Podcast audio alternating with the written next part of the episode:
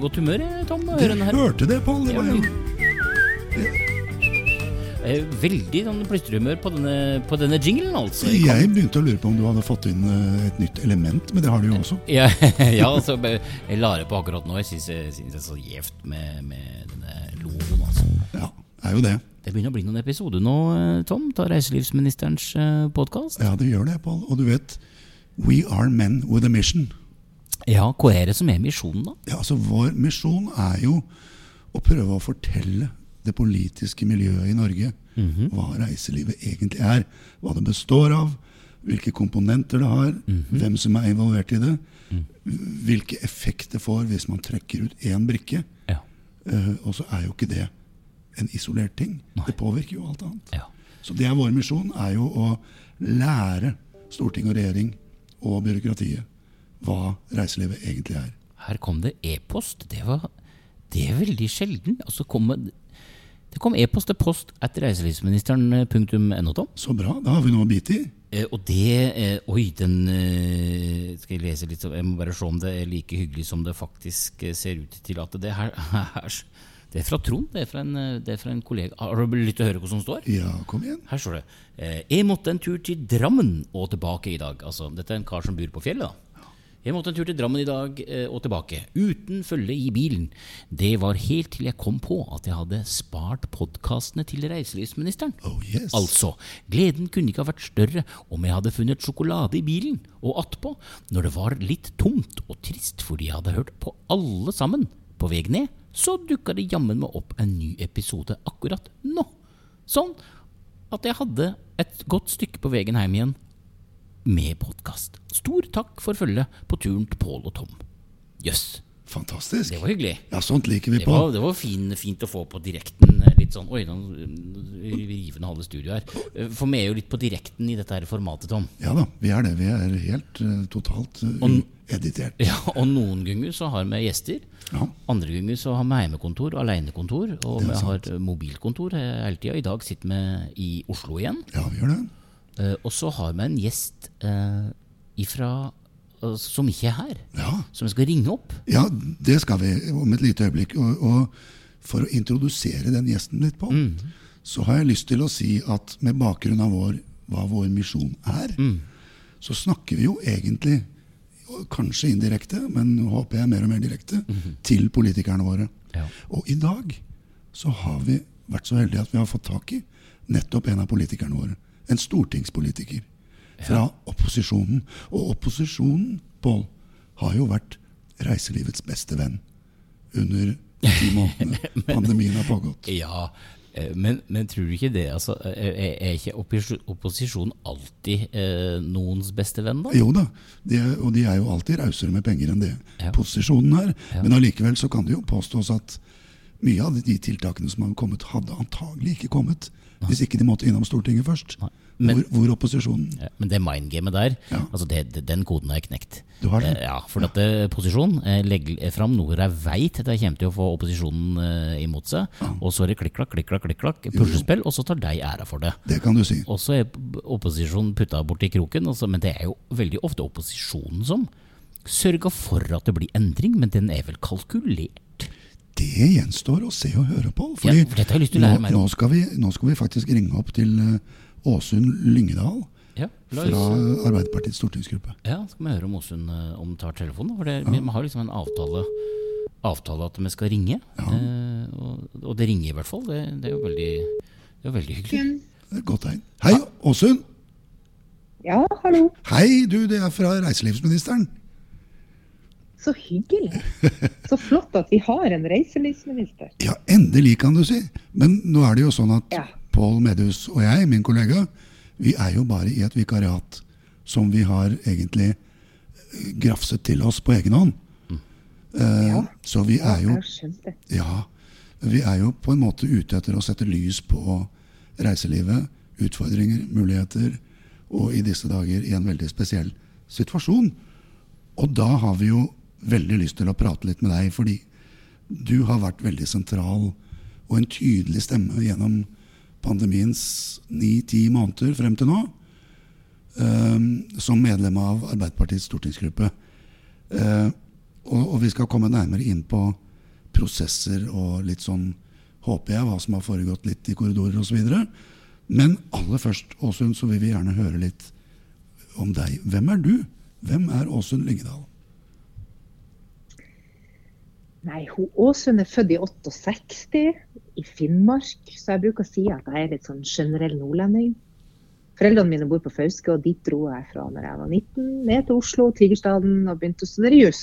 Riktig. Eh, så har jeg hatt eh, hadde jeg litt sånn vanlige jusjobber i starten av eh, karrieren min. Noe som brakte meg Jeg var advokat, fullmektig, jeg var i politiet, jeg var aktor. Og kom til Narvik fordi jeg fikk lov å jobbe som dommerfullmektig i Ofoten tingrett. Ah, og det er der du befinner deg nå, ikke sant? Ja. Ja. Jeg sitter jo og ser på vår fantastiske alpinbakke fra luftstua mi. Så det er fint. Ah, Og her traff jeg en mann, ja, så dermed så har jeg blitt her. og, og, og, og, altså, men, men du er i Narvik nå, eh, og er storting... Er det sånn at jeg har han blitt pålagt hjemmekontor eh, som stortingsrepresentant nå, eller? Nei, men det er ikke møter i Stortinget på fredager stort sett gjennom året. Og da får vi lov å reise hjem, og Så så tar vi med oss PC-en. Ja. Og så jobber vi hjemmefra. Ja, det, det, det høres veldig bra ut. Ja. Eh, og så bare sånn, eh, Narvik, da, da ringer det jo så masse bjeller og med. Narvik eh, er for meg, eh, og du får jo ta det som du vil, men eh, Narvik for meg er jo en av eh, topp tre offensive reiselivsdestinasjoner i eh, Norge om dagen. Eh, VM-søknad, eh, masse fint fokus, det er bærekraftprosjekt, reisemål, det er samhandling, det er samling. Eh, deler du den oppfatninga sånn reiselivsmessig? Altså, Syns du Narvik er på, på, på hugget? Absolutt. Det er vi. Og du har helt rett at den satsinga inn mot VM 2027 har gitt ny fart og glød. Og så har vi et veldig bra Visit-selskap, destinasjonsselskap Visit Narvik, som gjør en kjempejobb med å samle aktører. Så det er kommet opp en del flere mindre opplevelsesaktører. Vi føler jo alltid i Nord-Norge så vil det være sånn at åh, Lofoten er kommet så mye lenger, og de er så flinke. Og det er mange flere nordlysturister i Tromsø. Men vi har et fantastisk nordlys. Det aller viktigste vi kanskje har som gjør at byen finnes, er jo en jernbane. ja. Som går fra hav opp på fjellet.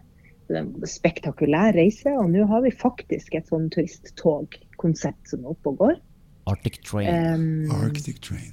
Yes, yes. Så det er, det er spennende. Så kan du dra på nordlystogsafari hvis du vil det. Og det er jo bærekraft, da. Alt det vi ønsker oss. Ja, så bra. Det skjer mye bra i Narvik. Mm. Helt klart. Du, apropos, du nevnte her et lite øyeblikk turistkontoret. Eh, Visit Narvik.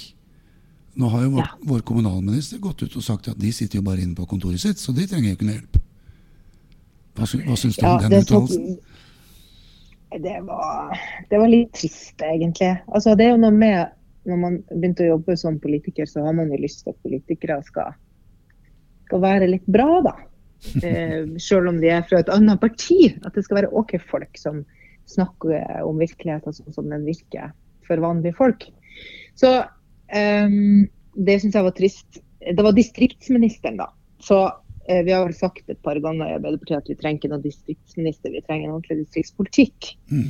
Men, men, men bortsett fra det, da, så, var det jo, så er det jo sånn at eh, hvis du er en liten reiselivsaktør, og du f.eks. har Mia inne i Beisfjorden her som ønsker å ta med folk ut i lavvo og som opplever det, det ekte samiske utfluktene. Så når han har lyst til å starte, så trenger han å vite hva han må passe på. Ja. Hvis han skal servere mat, så må han ha serveringsbevilgning. Han må ha skjenkebevilgning, han må finne ut av det her merverdiavgift og regnskap og markedsføring. Hvordan skal han få tak i kunder? Og for ham er jo Lise Hansen og de andre i Visit Narvik helt avgjørende for at han får en veiledning. Jeg bruker å si at de er litt sånn førstelinja for reiselivet, de her destinasjonsselskapene. Men skjønner ikke politikere dette? Nei, altså jeg fikk jo faktisk til svar, for jeg sa at jeg er bekymra for destinasjonsselskap. Og når jeg kan Nå er det noen som ringer dere. Altså så travelt på reiselivsministerens kontor, skjønner Det, det er så travelt her, Åsund. Men, men, eh, Ja. men, men, men, men bare fortsett. Jeg tar det videre. ja. Nei, fordi Dere vet denne kompensasjonsordninga som vi alle var så glad for at det gikk, fikk opp en sånn portal i full fart, og Finans Norge bidro, og alle liksom sto på. Mm. Og så fikk vi en portal, og så kunne du få dekt en andel av dine faste utgifter. Det hørte jeg rykter om. Og det, og det var jo veldig sånn ubyråkratisk og kjapt og greit. Men det var jo masse forutsetninger bak. Altså du skulle, du skulle være skattepliktig, du skulle ha hatt ansatte, og du skulle jo da selvfølgelig ha en omsetnings, et omsetningsfall i den aktuelle måneden. Hvorom alt det er.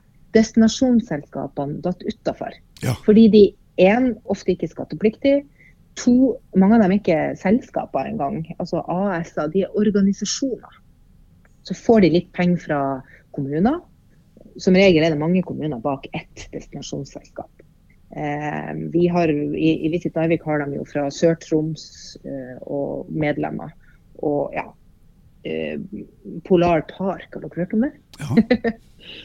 Ja, eh, vel, veldig bra. Eh, og og så har de litt prosjektmidler, men så får de jo inn bidrag fra bedrifter. Og det er klart at nå vet jo alle at bedriftene ikke har penger til overs å gi i markedsføringsbidrag. Eh, og og der, da mente jeg at distriktsministeren, da, som Helleland er, at hun måtte ha en idé om hvordan vi skulle passe på at ikke vi mister destinasjonsselskapene gjennom denne pandemien. Fordi jeg mener at de er litt av reiselivsinfrastrukturen. Altså det er litt sånn at På toppen så har vi Visit Norway og Bente og hennes folk.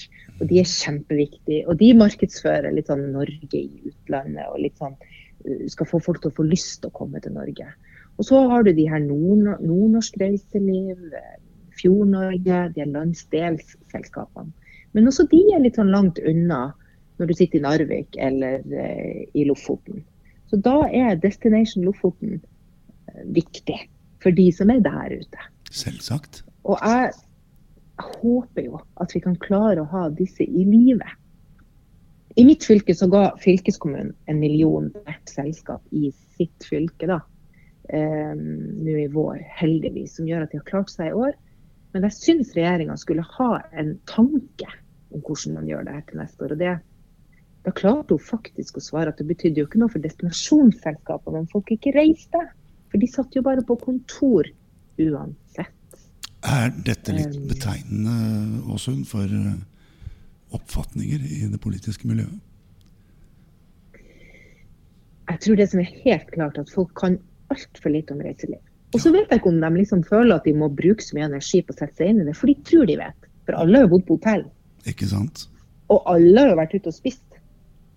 Og da, Og da kan, du. det. og da kan du det. Jeg, vet ikke, altså, Jeg jeg, tror de tenker det. ja, for jeg, jeg har et bilde på destinasjonsselskap. Jeg er så heldig å ha fått lov til å lede Visit Yellow i fem år. eh, Og vi vi betegna jo som, og ble jo pekt på som, eh, motoren i bussen. Eh, og det, du, klart, du kan jo gå på bussen, eh, og det kan jo sitte sjåfør der. Og den kan jo være nymalt, og den kan jo være nyvaska, og setene kan jo være heile.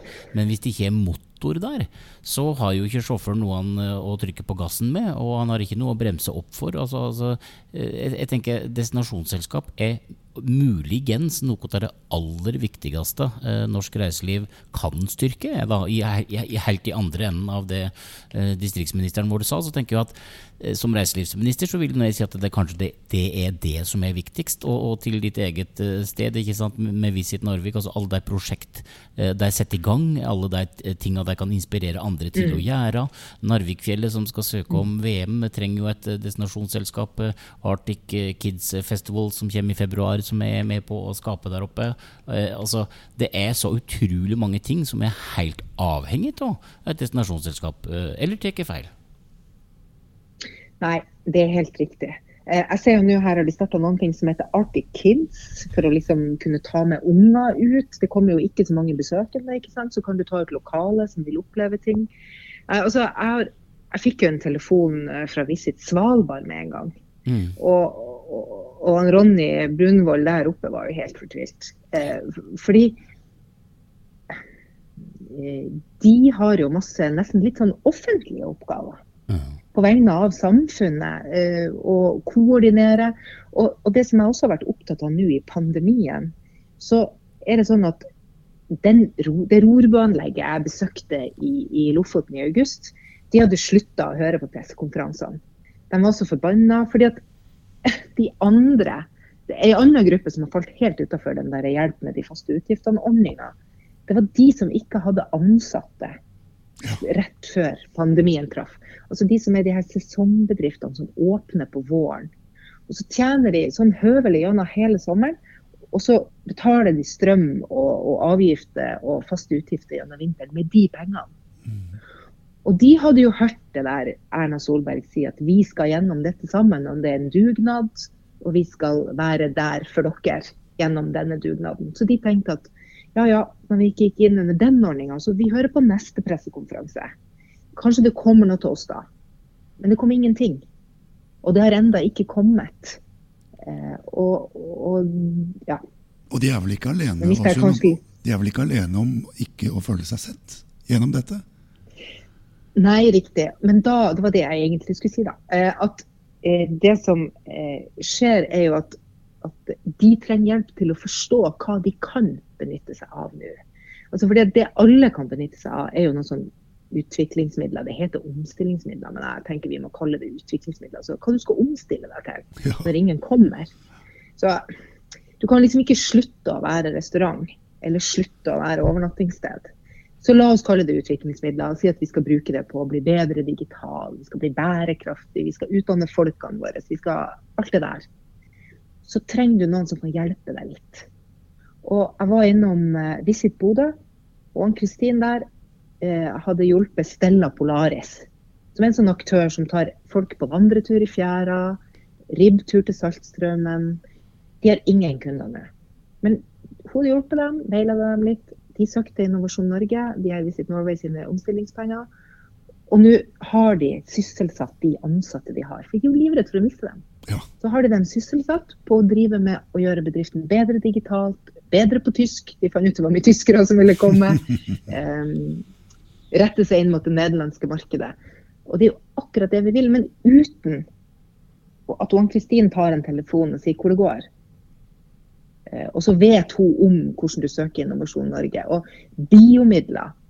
Altså, hun Line i, i Destination Lofoten sier at jeg, nå ringer jeg rundt til, til bedriftene og så sier jeg biomidler, altså mulighet for å ta utdanning for de ansatte. Eh, men at de kan få lønna si mens de gjør det. Eh, men, men det som er trist nå, da, akkurat nå, når, vi, når, liksom, når kompensasjonsordninga var over i august og vi ikke er over på noe nytt, så sier jo Line i, i Lofoten at eh, nå sier mange at hva er vitsen? Em, overlever min bedrift, selv om mine ansatte tar kompetanseheving? Nettopp. Du, Åsund. Eh, vi som ikke sitter på Stortinget, eller er i regjering, eller jobber i aktuelle departementer, vi sitter jo på mottakersiden av all informasjon som kommer ut. Men nå har jo denne pandemien vart i ni-ti måneder. Og i begynnelsen så var det jo en slags rosenrød forbedring uh, i det politiske miljøet at dette, og da tenker jeg på reiselivet, dette skal vi, vi skal hjelpe dere. Vi skal stå an av sammen. Dette er en dugnad som vi skal komme oss gjennom. Uh, og det var veldig vakkert, det hele. Så har vi hatt ti måneder med realisme. og Kan du dra oss litt igjennom hva som egentlig har skjedd? Altså, Hvilke prosesser er det som har pågått? Og skyt gjerne med skarpt mot aktører, om du vil det. Men har egentlig, hvordan har prosessen vært ført gjennom storting og regjering når det gjelder hjelp til reiselivet? I starten, når, eh, når det traff typ april, eh, så da satt vi faktisk her på hjemmekontoret. Jeg var i såkalt søringkarantene, hadde jo vært i Oslo. Eh, Men, men vi kunne jo lese dokumenter, og vi skulle gi innspill, og vi satt og fulgte krisepakkene og forslagene. Jeg har lyst til å si én ting som var særs viktig for reiselivet der. og det var jo det at Da gikk det opp for meg at hvis du blir permittert, så får du 62% av lønna di i dagpenger etterpå. Og når jeg studerte trygderett på slutten av 80-tallet, så var det tallet 80 Ja. Så de der ytelsene der har gått ned. Men det som jeg også skjønte var når jeg snakker med Ann-Kristin som jobber på Thon hotell i Brønnøysund, at en, en, en såkalt det vi kalte stuepike, da, renholder nå på hotell. Hvis du har fagbrev og full, og full ansiennitet og full jobb, så tjente du 350 000. Ja. Prøv å leve på 62% av 350 000. Mm.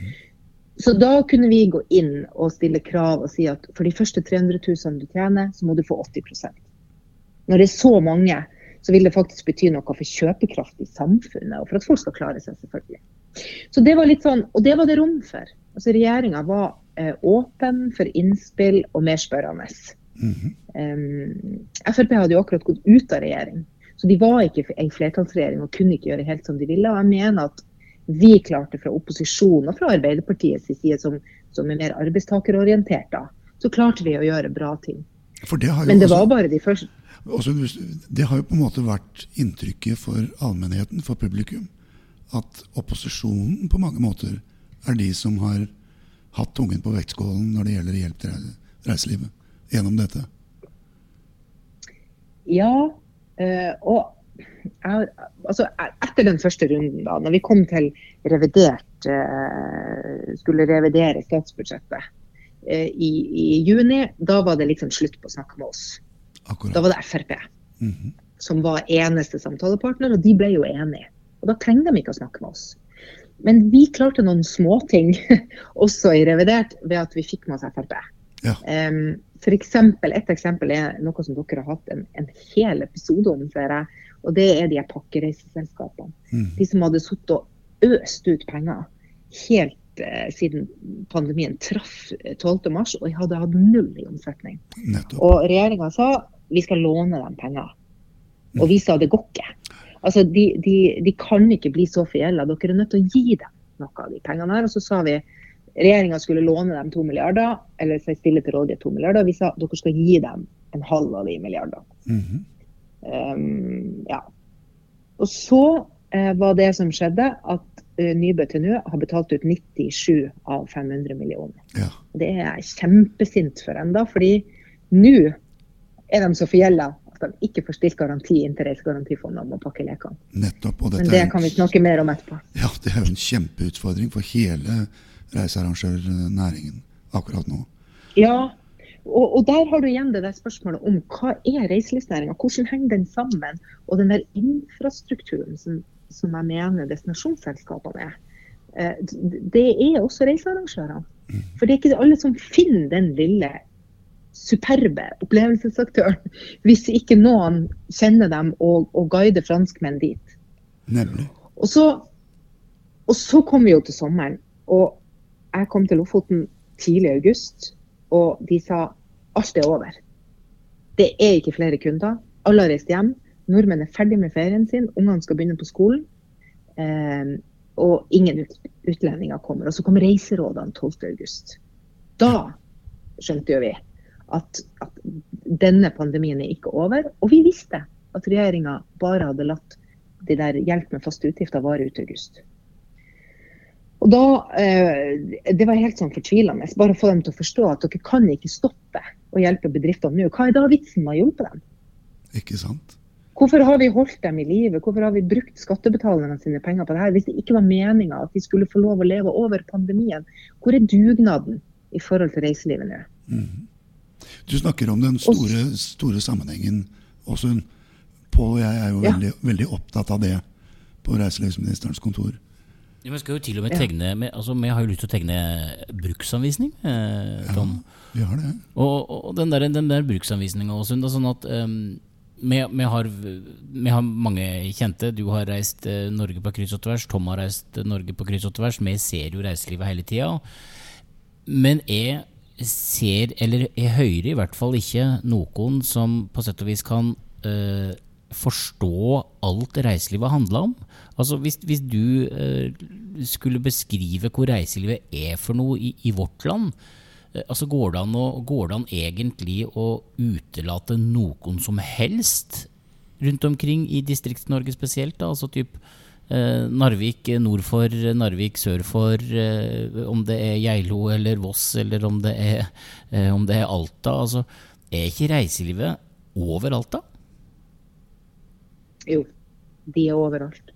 Og hvis, når jeg prøver å si til folk at i Lofoten så er det flere som jobber med reiseliv, enn som jobber med fiskeri, havbruk, jordbruk, olje og gass til sammen. Ja.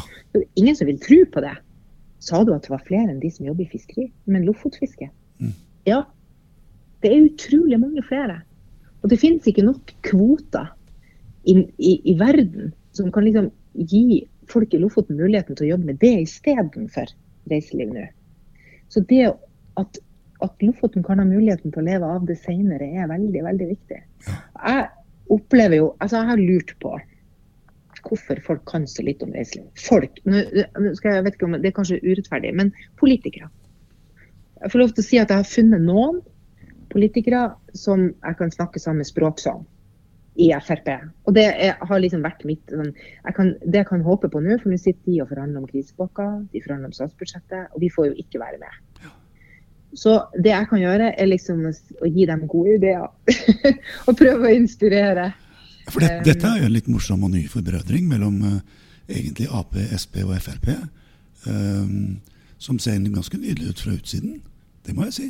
At dere har funnet tonen. Ja, det, det er ganske snålt. Og jeg har prøvd å lure på hvorfor det blir sånn. Altså, Mest av alt lurer jeg på hvorfor Høyre, som mener de er et næringsparti Og Venstre, som mener at det er småbedriftenes parti. Ja, tenk! Og de har ministeren. Ja, det er helt utrolig. Men altså, når de ikke skjønte at de måtte komme med en kompensasjonsordning, og når Nybø sto på det der operataket 21.9, og det var en milliard til reiselivet, og så fikk vi dokumentene til Stortinget, og så begynte vi å stille spørsmål. Hvem kan søke? Hvor mye er det mulig å få? Så sa de men vi vet ingenting av det, Nei. sa departementet. Vi, det, det kommer ikke før til neste år noe penger. Og hvordan vi skal liksom bestemme hvem som skal få. Så tenkte jeg det er ikke mulig. De kan ikke mene at bedriftseiere skal planlegge livet sitt og bedriften sin for ansatte uten forutsigbarhet at all. Så det var jo virkelig Og så, så kom de heldigvis med en forlenging av, av eh, permitteringsordninga. Litt for seint for noen. Jeg var i Bergen eh, og snakka med de historiske, og da de var begynt på oppsigelsene. Ja. eh, Før de visste om de kunne forlenge permittering. Og de er ikke alene. ting Nei, de er ikke alene. For ting må henge sammen. Og vi vet jo faktisk, og så ble det da november. og Da var vi ikke på Operataket, men på en restaurant i Stavanger. Og fikk beskjed om at det ble 1,4 milliarder til reiselivet. Og markedsføringa skal de ha for. Fordi det høres jo ut som de bruker en masse penger på reiselivet. Men ingen har fått ei krone av disse milliardene Nei. siden 1.9. Og ingen får noen ting før i januar-februar. Og ingen vet noen ting om hvordan man skal søke. Den, den eh, portalen som skatteetaten hadde, den er stengt. Det skal lages en ny, det skal lages i Brønnøysund. Det er jo fint at det skal være aktivitet i Nordland, men det, det er virkelig ikke mulig å være så uforutsigbar. Ja, så Så det jeg lurer på her, her, ja, unnskyld. Unnskyld, fortsett. Ja, det er egentlig om den der markedsøkonomien har tatt dem fullstendig. Uh, altså, Høyre og Venstre, som vi var liksom inne på, de to partiene, om de, om de tenker at markedet skal styre alt, så skal du jo faktisk stenge ned nå. Arbeidskraft og kapital skal flytte seg til steder der det er jobb å få. Men jeg tror ikke da de skjønner betydninga av en pandemi, og kanskje det at i framtida Dette er jo en framtidsnæring. Ikke sant? Ikke minst. Nå skal jo oljen fases ut, det vet jo alle. På sikt. Hvor fort det går, Ja. får vi se på. Men vi trenger jo reiselivsnæringen som en av de viktige pilarene. Det er jo, det er jo 170 000 arbeidsplasser direkte, pluss, pluss, pluss, Ja. i alle ringene rundt. Det er 4,2% av BNP, og bør bli mer, kan bli mer. Så det er jo en, en viktig næring. Men du, jeg, jeg vil litt tilbake igjen til det vi snakket om, om forutsigbarhet. Fordi det har jo vært etterspurt hele veien fra reiselivsnæringen.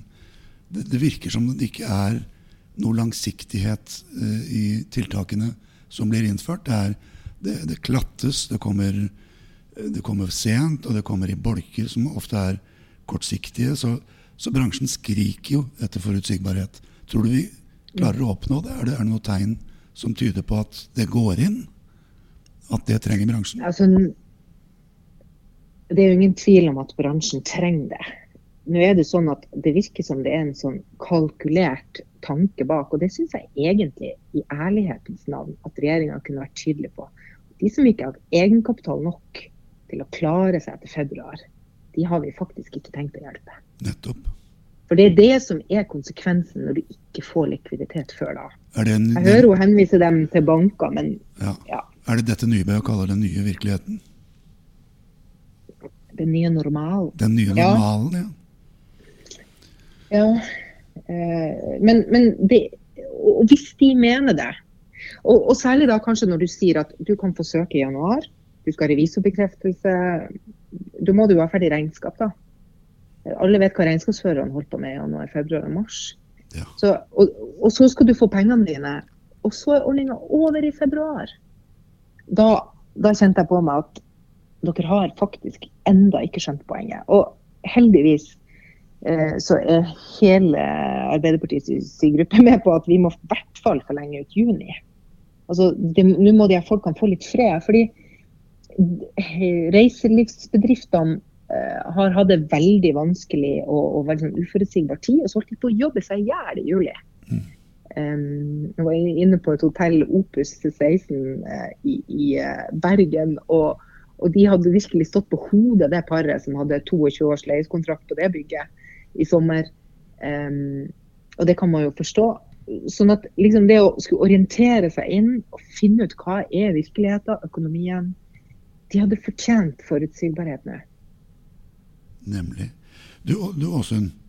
Um, hvis du skal Jo, det er én ting forresten som eh, Organisasjoner og enheter og enkeltpersoner som kommer med innspill til eh, departementene, særlig ett, Næringsdepartementet mest, under, under pandemien, melder tilbake igjen eh, uoffisielt at det er som å drive voksenopplæring. Eh, det er altså så lite kompetanse i, i det å se sammenhengen i reiselivet. At, at se hvordan, hvis man gjør et tiltak ett sted, eller tar bort et tiltak, la være å gjøre et tiltak ett sted, hvordan det påvirker hele resten av kall det industrien. Er det, har, har- man rett i det? Er er det noe sannhet i det? Ja, dessverre. Ja. Jeg har ikke noe problem med, å si det. Altså, Så stor som den næringa er. Og lurer på om det også handler litt om at eh, politikerne ikke har hengt med i den, den veksten. Ja. For den har vært sterk. Ikke sant? Så, så hvor viktig og hvor stor den har blitt.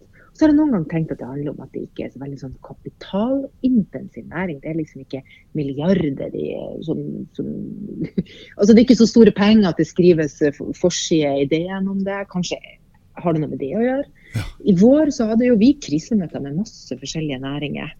Eh, og, og jeg kan love deg at når Kjell Inge Røkke skulle ha den eh, skattepakka til oljeindustrien, så var det ikke noe spor av sånn eh, please, liksom. Nei. Og, men, men, og så har jeg også lurt på, jeg har sagt det til reiselivsbedrifter, at det, dere er så opptatt av å være hyggelige. Altså Hospitality er jo liksom litt av greia innenfor reiseliv. Så, så dere må ta fram storstemmen. Dere må være litt strenge. Det er jo det Pål og jeg gjør nå, er det ikke det? Gjennom denne podkastserien.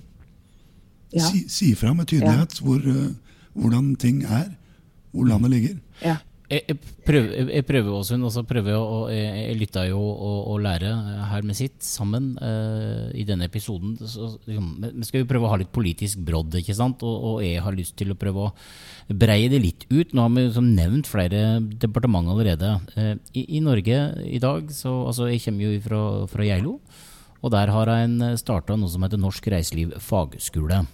Som for mange ble en liten eh, eh, redningsbøye eh, nå når en ble permittert eller ble oppsagt. Og, og, og man fikk jo et voldsomt tilsig av folk. Det finnes reiselivsfagskole i Nordland, ikke sant, ute i Lofoten og Steinkjer avde- avdeling osv. Hvor står eh, fokuset hen på rekruttering og eh, fag og kompetanse i denne næringa, slik du ser det? Altså, eh, vi har skriket lenge om at det er for få kokker og servitører, det er for lite folk i salgsfag, det er for lite folk som tar denne linja. Hva, hva kan vi gjøre her, da? For, altså, for, for reiselivet kommer til å komme seg gjennom denne pandemien. Eh, og det kommer til å gjøre vondt, men vi kommer jo gjennom. Folk kommer ikke til å slutte å reise, de kommer til å reise på en annen måte. Og ja, det kommer til å være en helt ny normal. Eh, det kommer ikke til å bli som i gamle dager. Så vi må jo gjøre oss mm. klare. Og jeg er veldig opptatt av dette med kompetanse. Én ting er at Tom og jeg har veldig lyst til å snakke med hele stortingsgruppa til Arbeiderpartiet og Venstre og alle som, som sitter her inne, altså tilfeldig nevnte partier. Men poenget mitt er hva kan vi gjøre for å løfte opp anerkjennelsen til denne reiselivsnæringa som, som, både Tom og du og jeg nå eh, sitter her og, og, og roser opp? Altså, ha, har du noe råd? Hva kan vi si for at flere unge tar fatt og blir yrkesutdanna inn i mot reiselivet, som kommer til å være en næring for framtida? Ja, det er jo et veldig stort spørsmål. Altså, vi har vært kjempeopptatt av at det skal være lov å, å ta utdanning nå når du er permittert. Du fortsatt får dagpengene dine. Vi skal ha tilskudd til å ta utdanning. Vi er opptatt av fagskoler på høyt nivå. Vi, vi må ha mer kompetanse inn i reiselivet. Jeg tror jo mange vil jobbe innenfor reiselivet også. Jeg har inntrykk av at det der med at, at, det er hyggelig, at det er litt morsomt, at det er det er mye stolthet over eget hjemsted for de som jobber innenfor reiselivet. Men, men, samtidig er det jo litt sånn ikke så veldig bra betalt.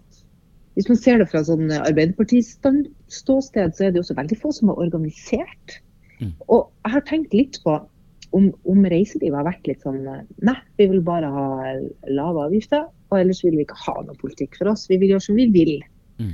Litt sånn tror jeg reiselivsnæringa også har blitt opp, oppfatta. Altså det her med vi stiller krav til at dere skal ha god dialog med lokalsamfunnene dere er en del av. ikke sant, Det her med besøksforvaltning. Mm. Vi vil at dere skal utvikle dere i bærekraftig retning. Det tror jeg vi må gjøre mer av, faktisk. Fordi det har ikke funtes en reiselivspolitikk. Man har gitt litt penger. I, i statsbudsjettet så består det av penger til Visit Norway. Det mm. er liksom reiselivssatsing. Det er det. Så, så, jeg tror jo at man skal Og kanskje skal man si noe om sertifisering av guider? Altså, eller folk mer sånn krav til kompetanse. Eh, fordi vi har jo noen fantastisk flinke folk, og så har du noen cowboyer som ikke har noe grunnlag for å, eh, kompetanse eller kunnskap om det lokalsamfunnet de er i. De kommer overalt. Altså, det er de her eh, franskmenn som dukker opp i en gapahuk i Lofoten og er bare mm. blitt sendt dit av en aktør i Frankrike og utdelt et GPS-kart. ikke sant? Så Svalbard har litt av den, den samme problematikken. Den, ja, den finnes over hele landet. Den er rapportert fra Flom og i går. Men det Jeg tror det er bra. Og er jo, det er faktisk en av de tingene jeg er veldig redd for nå. Fordi Reiselivet har vært et av de stedene vi har hatt mange gründere. Folk som har drevet for seg sjøl og skapt seg en arbeidsplass og ansatte, og skapt flere. Og jeg er jo redd for hvis, hvis altså hvis regjeringa bare sier at ja, ditt problem, du starta egen bedrift, liksom. Mm. Eh, stå der med kostnadene dine og si opp de ansatte døde. Så har du mista det etterpå. Så, da er jeg så redd for at det er så mange som ikke skal tørre. Fordi vi, vi, vi kan ikke alle jobbe i det offentlige. Altså, vi må ha noen eh, folk som er gründere og som satser. Og gründere har faktisk heller ikke kunnet få hjelp med fast utgifter, for de hadde ikke inntekt i fjor. Ja. Nei, og, og, jeg tenker liksom, eh, nå, nå, ble det jo brått litt politiker da, Åsund, for jeg hørte ikke helt svaret på spørsmålet mitt. Eh, så jeg, jeg, skal stille et oppfølgingsspørsmål. Fordi at eh, jeg, jeg, er utdanna kokk, ikke sant. Eh, jeg har jobba som ja. kokk litt her og der, og jeg kjenner veldig mange i faget. Og det er verdens beste utdanning, fordi du får forståelse for veldig mye annet enn det å lage mat. Og det er veldig mange slike yrkesretta utdanninger som er, som er det. Og så legger jeg merke til at du sier at at reiselivet kanskje ikke har vært flink nok til å organisere seg. Ok, eh, jeg kjøper argumentet ditt, og så stiller jeg oppfølgingsspørsmålet igjen. Eh, kan det være en idé at politikere litt breiere og litt flere nå faktisk eh, Vi kan ikke pålegge politikerne noe, det skjønner jeg. Men som reiselivsminister så kunne i hvert fall mm. undertegna hatt veldig stor glede av å hatt ei folkevalgt opplæring eh, på lik linje med andre ting politikere rundt omkring i landet skal vite. For når jeg snakka med Mm. Vi har veldig mange felles uh, kjente, hører jeg. Uh, men det er klart at når du snakka med Lofotrådet, da, uh, som, sant, som, er politikere og rådmenn som, som, som sitter med alle fra alle kommunene innerst i Lofoten og helt ytterst til Moskenes, så liksom, det blir nå løfta fram som et sånt veldig godt eksempel på der destinasjonsselskapet, der Line Renate Samuelsen sitter og jobber nå, sammen med Lofotrådet, så er det sånn at det, der blir det trøkk fordi politikere og næring gjør ting sammen i en vanskelig situasjon.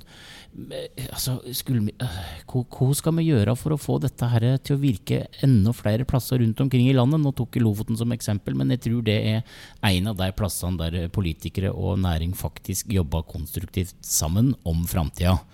Eh, hva kan vi gjøre for å få mm. dette til å virke flere plasser i landet? Vi har jo et langstrakt land med veldig, veldig mange forskjellige konstruksjoner. Ja, ok. Um, da skjønner jeg. Jeg skjønte det kanskje litt i sted òg, men um, altså, vi har jo eh, en del perioder i løpet av året der vi ikke må være i stortingssalen og stemme. Og jeg tenker at eh, dere burde, altså Reiselivsnæringa burde invitert. Det, skal, det, det, det rådet skal NHO Reiseliv og Virke og alle de her få gratis hos meg. Invitere en politiker til å hospitere i reiselivet i tre-fire dager. Det er jo en strålende idé. Ja, fordi vi, de, trenger å være der. Og, og så er det jo sånn um, Hvis du er fra en kommune som er reiselivsavhengig altså I Lofoten så finner du ikke en politiker som ikke har bevissthet rundt betydninga av reiselivsnæringa. Fordi den er helt avgjørende. Men jeg tror jo at politikere i Tromsø, i Oslo, Bergen vil bli eh, kanskje blitt litt overraska over hvor viktig reiselivet er for deres by. Mm. Tenk deg nå i Tromsø, når det ikke kommer én nordlysturist. Mm. Så hvis man ikke har skjønt betydninga i reiseliv før, så tror jeg kanskje pandemien har, gitt, har vist oss hvor utrolig mange arbeidsplasser det er. Og jeg tror jo også at for at du skal ha lyst å jobbe som kokk, så, så kan arbeidstid, arbeidsforhold og sånn bety noen ting.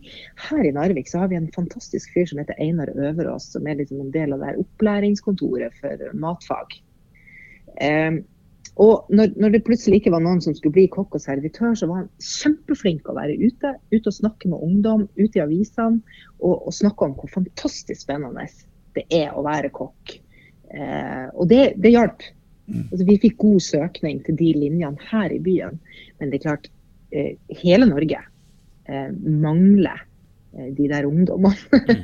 altså, vi, vi, vi, har for færre ungdommer, og vi må jobbe steinhardt for at vi skal velge disse, disse linjene her. Men få, få politikerne ut og hospitere.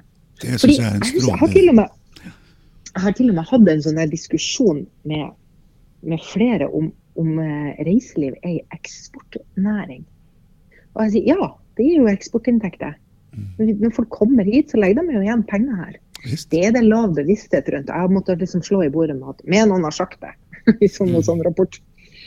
Um, sånn apropos hva vi skal leve av i fremtida. Riktig. Du, Åsund, vi begynner å nærme oss uh, slutten, men jeg har et par spørsmål helt til slutt. Mm. For det første, har du noe oppløftende å si til næringen? Uh, som stort sett, altså De som hører på oss, er jo stort sett folk som jobber i reiselivsnæringen. Har du noe oppløftende mm. å si til dem i den situasjonen vi står i? Vil, vil reiselivet få den drahjelpen den trenger? frem til pandemien er over?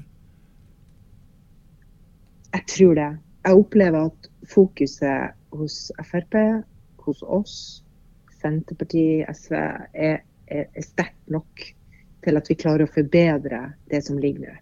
Jeg er veldig veldig lei meg for at dere må forskuttere.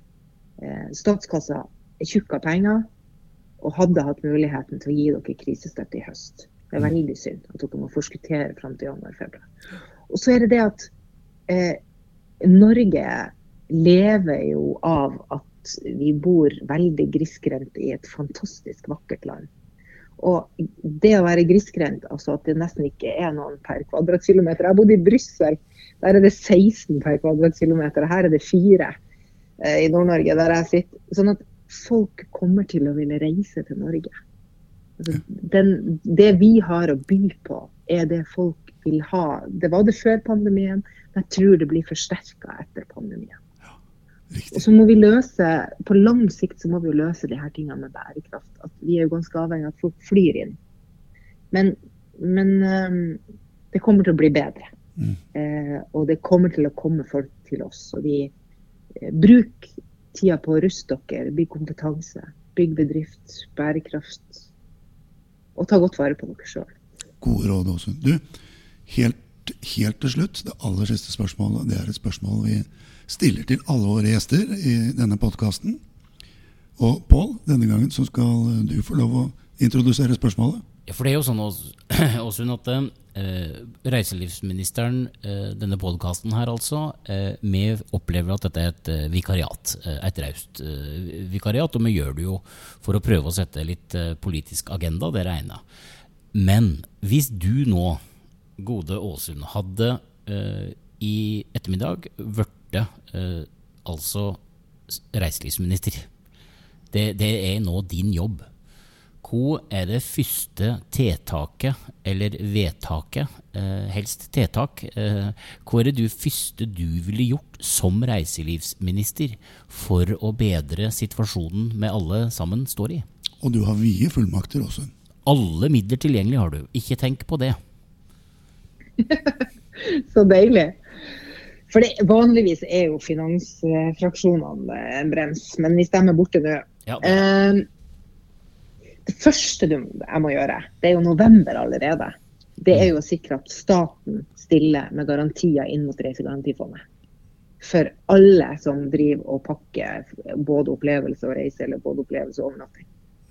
Og det er nærmere 800 bedrifter med 4000 ansatte. Ja. Og de er små, og de er store, og de er overalt. Så eh, statlig garanti. Vi skal ha eh, en, en kompensasjonsordning med dekning av faste utgifter som varer til sommeren. Jeg håper denne vaksina kommer, så vi liksom I hvert fall til sommeren. Og dessuten så skal det være en garanti der på at hvis pandemien varer lenger, så varer tiltakene. Og like lenge som bedriftene skal kunne få kontantstøtte, så skal de også kunne få lønnsstøtte. Kompensasjon til de som det er smart å ha på, å ha på jobb. Altså Jeg skjønner at du ikke skal vaske rene rom, men du skal utvikle bedrifter, og du skal digitalisere. Du skal være i dialog med lokalsamfunnet ditt. Ja, du skal kunne, du skal kunne markedsføre, du skal forberede deg på å ta imot nye gjester.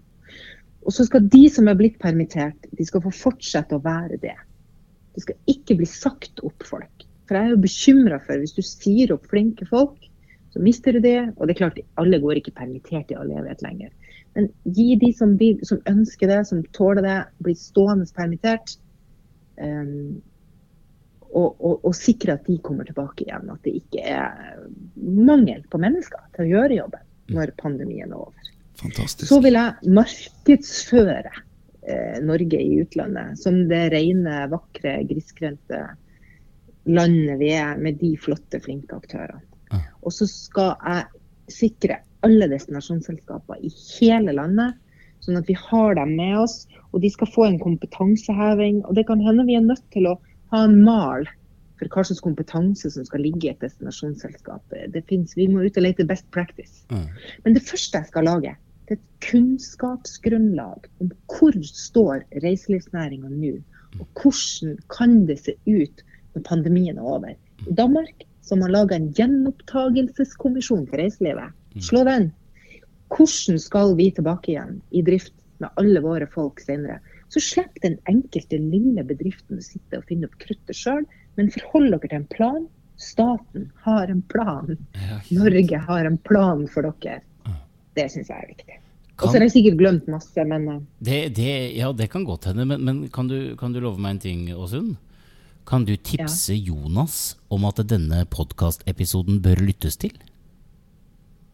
Ja, klart. Det var lurt. Når, den, når blir den publisert? Nei, altså, vi er jo på lufta. Altså, eh, altså i, i, sånn datomessig så jeg husker jeg ikke åssen det er jo bare Det er jo, bare, det er jo om, om seks dager ifra i dag. Jeg vet ikke åssen dato det er engang. Det er vel den 19. november er dette eh, i dag. I dag, I dag er det den 13. Desember, nei, september. Nei, november. Ja, men når denne podkasten sendes Da sendes den den 19. november. Det er det 19. november allerede. Veldig bra. Da skal jeg tipse alle på Stortinget. For dette, dette, er, altså. dette er jo musikk i våre øyru, Åsund. Eh, Har det gått greit? Eh, Har det vært greit å være på podkast med reiselivsministeren? Ja, det er jo helt supert. Dere er jo så kompetente utspørrere. Det, vi prøver så godt vi kan. Hyggelig òg. Ja, så bra. Så men, men Åsund, tusen hjertelig takk for at du eh, var med på, på heimekontor, bortekontor Narvik-avdelingen eh, og besøkte reiselivsministeren sin podkast. Og eh, god helg, rett og slett. Og så har jeg lyst til å tilfelle stå på, Åsund, for vi trenger sånne som deg i norsk reiseliv og i politikken. Mm. Tusen takk skal du ha. Tusen takk. Jeg lover. Ok, ha det bra, da. Ha det bra. Det var, det, det var Åsund, da. Det var Åsund. Det er en dame med meninger, du. Ja. Vi liker Åsund. Altså, du og jeg, Pål, er jo altså, Den vikarierende reiselivsministeren er jo en partipolitisk uavhengig ja enhet. Definitivt. Ja. Og jeg tror vel verken du eller jeg er medlem av noe politisk parti eller eh, flagger noen politisk retning. Nope. Men, men jeg må si at det Åsund sier her, det, dette intervjuet, det bør alle lytte til. Og spesielt norske politikere.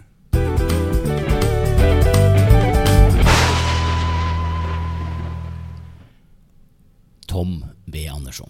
Nå er vi altså gjennom eh, sju-åtte episoder av podkasten. Tror du at vi har oppnådd noe som helst enda? Ja, det vet vi at vi har, Pål. Fordi vi får tilbakemeldinger om folk og enheter som har funnet hverandre gjennom å lytte til podkasten. Eh, konkrete bevis på at det faktisk funker, i hvert fall på den måten. Eh, I dag har vi hatt en politiker i tale, en, en stortingspolitiker, som er en veldig tydelig, og kanskje sammen med Pollestad i Senterpartiet, eh, den tydeligste stemmen for reiselivet i hele den politiske prosessen knyttet opp mot pandemien. Så Pål, jeg har trua. Jeg tror vi skal få banket dette inn. Jeg, jeg tror vi bidrar til voksenopplæring der det trengs. Og da, eh, med deg Ora, så tenker jeg at eh, vi må jo avslutte i dag òg. I dag ble det i dag ble det en litt lengre sending enn vanlig, eh, men, men det gjorde ingenting, syns jeg. Nei, det syns jeg var viktig og riktig. For politikere, altså reiselivsministeren, må ha litt politisk agenda innimellom. Litt brodd. Ja, det må vi absolutt på. Det skal vi aldri glemme. Nei. Det er lov å sende e-post til post etter reiselivsministeren.no. Det er lov å følges på Instagram eller Facebook. Tom B. Andersson og Polk Knutson Meus sier tusen takk for i dag, og eh, velkommen tilbake til podkast.